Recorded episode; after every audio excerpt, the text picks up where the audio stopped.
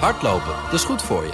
En Nationale Nederlanden helpt je daar graag bij. Bijvoorbeeld met onze digitale NN Running Coach... die antwoord geeft op al je hardloopvragen. Dus, kom ook in beweging. Onze support heb je. Kijk op nn.nl slash hardlopen. Studio Den Haag. Minister Kaag wil het niet, maar ze gaat de verbouwing van de Prinsjesdagbegroting wel uitvoeren. Want dat wil de Tweede Kamer. De Kamer heeft een wensenlijst van zo'n 4 miljard euro, dat wisten we al. De duurste plannen, de verhoging van het minimumloon, extra geld voor het regionale openbaar vervoer en het bevriezen van de accijnzen op brandstof. De minister van Financiën blijft bij haar eerdere advies en gaat de voorstellen uit de Tweede Kamer afraden. Politiek verslaggever Leonard Beekman zag in Den Haag een minister met grote tegenzin. Goedemiddag. Goedemiddag, Lisbeth en Kees. Ja, minister Kaag zegt dus eigenlijk tegen de Kamer: doe het niet. Ja, ik heb toch een kort antwoord op. Ja, dat zegt ze eigenlijk. Ja. Maar ze gaat het wel doen. Het kabinet gaat het wel uitvoeren. Ja, minister Kaag stond toch wel met veel tegenzin uh, in de Tweede Kamer. Uh, gisteren was de eerste dag van de Algemene Financiële Beschouwing. Een hoop vragen aan haar. Ja, en uh, je kon aan haar merken dat ze zoiets had van... jongens, we hebben vorige week een brief gestuurd. Daarin hebben we alles afgeraden. En er is niet heel veel veranderd. Hm. Nou, laten we eerst eens even kijken naar het bevriezen van de accijnzen. SP-Kamerlid Mahir Alkaya wilde van Kaag duidelijk weten... gaat u de wens van de Kamer nou wel of niet uitvoeren? Voorzitter, ik snap het oprecht niet. Kijk, um, de heer Heijn heeft een motie ingediend. Het kabinet heeft die motie ontraden. Die motie is alsnog aangenomen. Gaat het kabinet die motie nou uitvoeren of niet? Nou, volgens mij vraagt de heer Alkaya iets wat ik nu al twee of tweeënhalf keer heb gezegd. De, het kabinet heeft zich te verhouden tot de aangenomen moties. Um, in, met inachtneming natuurlijk van de, de dekking en de uitvoerbaarheid. Als het bijvoorbeeld niet kan voor 1 januari 2025... dan kunnen we hemel en aarde willen bewegen. Dan is het geen onwil van het kabinet.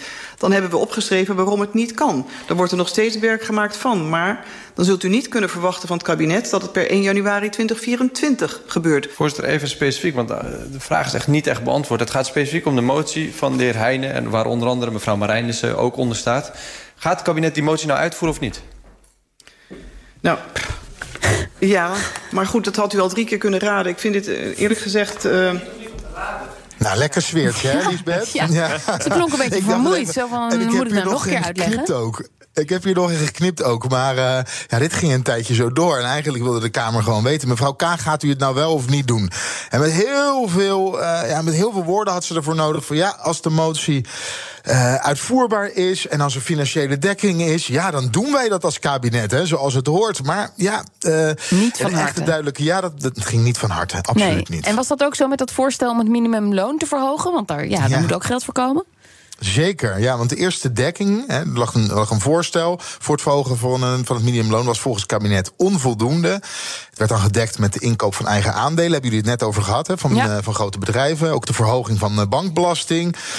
Uh, dat was van allemaal vanaf 1 januari onhaalbaar. Zeker het uh, verhogen van het minimumloon. Dat is allemaal heel veel gedoe met uh, belastingen. We weten natuurlijk bij de Belastingdienst gaat het allemaal überhaupt niet zo heel erg uh, rap. En er ligt nu een nieuw voorstel van GroenLinks, Partij van de Arbeid, ChristenUnie en D66, waarin de stijging van de lasten voor het bedrijfsleven wat beperkt wordt, een beetje.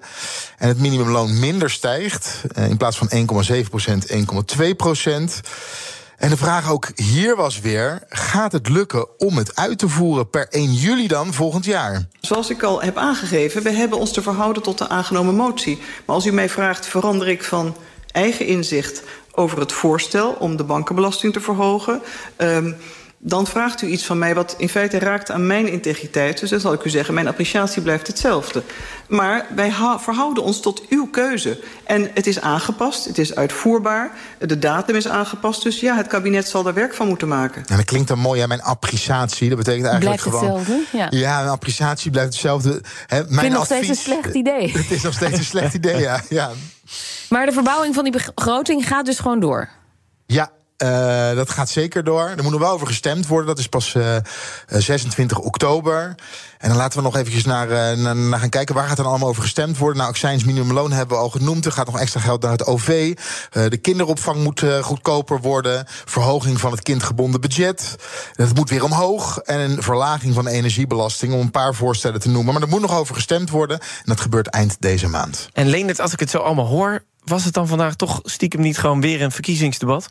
Jazeker, net zoals gisteren. En uh, ik heb er een voorbeeldje bij gezocht waarin je dat misschien mooi kan horen.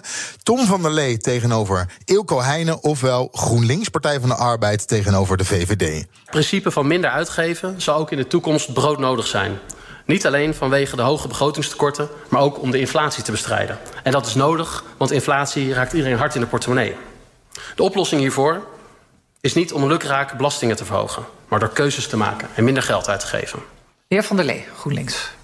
Ja, dank uh, voorzitter. Ja, de heer Heijnen blijft maar doorgaan om te beweren dat een vierkant een cirkel is. Uh, want hij roept allerlei dingen die niet samen kunnen gaan. Hij blijft maar hameren op het tekort moet omlaag. En we moeten een oververhitte economie niet verder aanjagen. Terwijl hij zelf notabene geld van de toekomst naar voren haalt het tekort uh, laat oplopen. En precies doet wat hij zegt dat hij niet wil. Ja, teksten uit de verkiezingsprogramma's. En jij bakken. Ja, het is voor echt verkiezingstijd. En ik heb er nu gewoon even een klein fragmentje uitgehaald. Maar eigenlijk gebeurt dat uh, hmm. de afgelopen twee dagen constant, hmm. hè? En uh, is, is dit dan ook een beetje de lijn voor de verkiezingen? De VVD wil bezuinigen?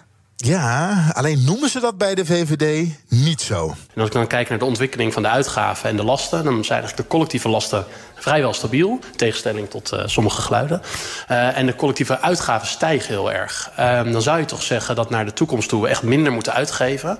Om ook enerzijds dat begrotingstekort te dempen, de economie minder te oververhitten. Uh, dat is ook goed voor de koopkracht als we de inflatie daarmee en het tekort zo terugdringen. Dat het via de uitgaven moet. Ja, en dit zijn heel veel woorden, Liesbeth, om eigenlijk gewoon te zeggen: we gaan bezuinigen. Ja, en dan komen ze de linkse partijen tegen, want die willen meer geld uitgeven. Ja, dat staat er dan tegenover. Hè? En dan krijgen we dus ook gewoon, want waarom dit ook een beetje een verkiezingsdebat is. Ik heb er nu even twee partijen uitgehaald, maar die hebben een mooie links-rechts uh, tegenstelling. Uh, tegenstelling. Ja, en ook Partij van de Arbeid, GroenLinks tegenover de VVD. Ja, maar ook he, op links willen ze geld uitgeven, maar ook daar wordt gesproken in verdekte termen. In ieder geval vandaag. Wordt er niet voortdurend te conservatief geraamd op de overheidsinkomsten? Omdat hetzelfde ministerie dat veel zorgen heeft over tekort- en schuldcijfers, die ramingen maakt. Kan de minister die zorg bij mij wegnemen? En hoe kan het dat al 15 jaar lang elke keer blijkt dat de inkomsten worden onderschat?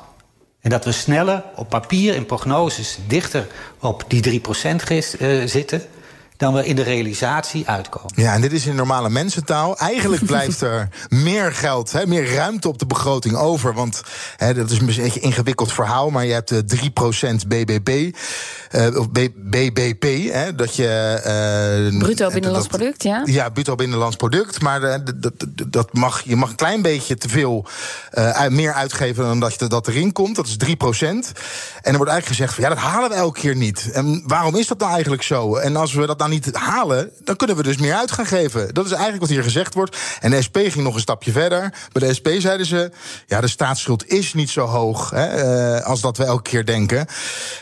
kunnen we dat niet? nog even wat verder op laten lopen. En flink ook. Dan kunnen we gewoon meer geld uitgeven. Ja, er valt dus echt wat te kiezen, deze verkiezingen. Ja, en ik vraag me ook af, uh, want zowel gaan roepen in verkiezingstijd dat je wil gaan bezuinigen is niet populair, maar ook bij een deel van, uh, van de kiezers om maar te zeggen: we willen heel veel meer gaan uitgeven. Dat is ook niet populair, want wat gebeurt er dan? Dat geld moet wel ergens vandaan komen. En als je heel veel wil gaan uitgeven en het geld is er niet, ja, dan moet je de lasten gaan verzwaren ook geen goede boodschap bij de verkiezingen. Dus ik vraag me echt af hoe dit bij de verkiezingsdebatten zo meteen uitgespeeld gaat worden. Gaan ze gewoon ronduit zeggen: wij willen heel veel gaan bezuinigen. En dan kom je toch snel bij de grote begrotingen uit. Dus dan kan je gaan bezuinigen op zorg. Maar de andere is hè, op, op uitkeringen bijvoorbeeld. Uh, uh, of uh, het minimumloon niet verhogen. Ehm, en lasten verzwaren, ja, dan kom je bij het spaargeld van mensen. Uh, dan kom je bij de bedrijven terecht. Ja. Lasten verhogen. Ook geen populaire boodschap. En Leendert, ik heb even zitten rekenen. Al met al heeft de Kamer voorstellen gedaan voor zo'n 4 miljard euro. Is dat historisch? Ja, dat is wel historisch. Goed gerekend trouwens, ja. Kees. Ja. Dank, dank je wel. Met ja, we zijn het net, hè? We zijn het net. Ik, zou, ik zie jou helemaal zitten zo met je calculator. Ja, dat heb je heel goed uh, Nee, goed ik kom natuurlijk gewoon van de politieke redactie dit, hè? Ja. Uh, ja, dat is wel historisch. En je moet ook echt kijken dat dit zo vlak voor de verkiezingen gebeurt... maakt het nog eigenlijk specialer. Er is een demissionair kabinet... En daardoor is de Tweede Kamer echt aan zet. Want de coalitie bestaat simpelweg niet meer. En dat zie je ook bij die voorstellen. Ja, dat wordt met wisselende meerderheden wordt het gemaakt. Bij de, het ene voorstel zit, uh, zit een deel van de coalitiepartijen wel, bij de andere weer niet. Uh, maar als het aan de SGP ligt, en zij noemen zichzelf altijd het financieel geweten van de Tweede Kamer, dan is het wel eventjes mooi geweest zo. Met de Kamer dat volledig aan zet is en eigenlijk het budgetrecht helemaal naar zich toe trekt. Ik denk dat dit land hijgt naar een nieuw kabinet. Dus ik denk die verkiezingen goed dat die er snel aankomen. En dat we dan gewoon met elkaar goed naar kijken. Want het lijkt mooi, hè, dat feest van de democratie, dat je in alle vrije dingen kunt doen. Maar ik heb het gevoel dat als we dat elke keer zouden doen, dat het land snel naar de Ja, dit is Christopher, de lijsttrekker van de SGP. Ja, wat hij zegt, stop met al dat geld ja, uitgeven. Ja, die zijn natuurlijk heel behoudend. Ja, ja zijn heel behoudend. Uh, laten we op de centjes passen, want je kan het maar één keer uitgeven. En uh, we hebben het net ook eventjes gehoord, ook met belastingen verhogen. Je kan niet belastingen invoeren en weer af, uh, weer weghalen. En ehm, bedenk goed na voordat je stappen zet die niet meer terug te draaien zijn. Vanaf de Algemene Financiële Beschouwingen, politiek verslaggever Leonard Beekman. Dankjewel. Business Booster. Hey ondernemer, KPN heeft nu Business Boosters. Deals die jouw bedrijf echt vooruit helpen. Zoals nu, zakelijk tv en internet, inclusief narrowcasting... de eerste 9 maanden voor maar 30 euro per maand. Beleef het EK samen met je klanten in de hoogste kwaliteit.